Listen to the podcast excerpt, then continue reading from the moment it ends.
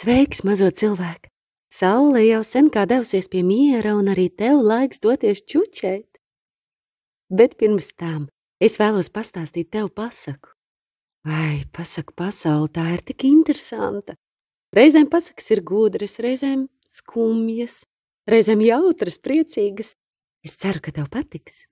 Nu tad aiziet! Sākam! Latviešu tautas pasaka dīvainais zvērs. Kādās rijās dzīvojuši velni un nebijuši nekā aizdzenami. Reiz lietainā vakarā mājās ienākuši linu kūstītāji un lūguši naktsmāju. Saimnieks teicis, ka no istabā šos nevarot apguldīt, lai ejot, ja gribot uz riju, tikai rijā naktīs nākot velni. Linu kulstītāji atteikusi, ka šie no vēlniem nebīstoties.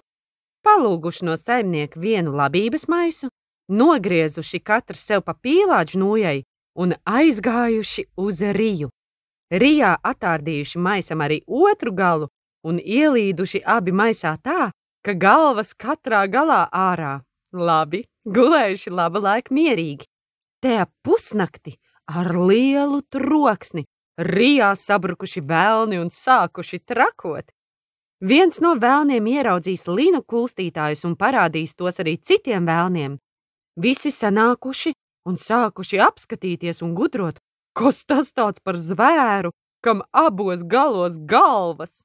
Nevarējuši izgudrot un sūtījuši trīs vēlnēnus uz elli pēc visvecākā vēlna. Varbūt tas zināšot. Atvests visvecākais vēlns, Tas bijis tik vecs, ka nevarējis ne tikai paiet, bet pat ne acu atvērt. Mazie vēlnēni ar lielām dakšām pacēluši acu vākus un parādījuši gulētājus.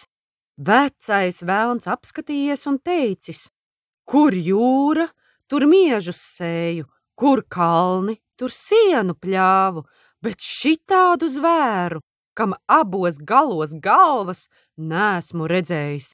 Tas mūsu saimi deldēs, bēdziet nu visi! Velni aizbēguši tā, ka norībējis vien, un no tā laika rijas bijušas no velniem tīras.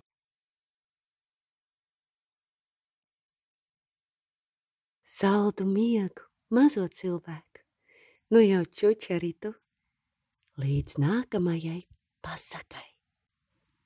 Čuči, čuči mazliet.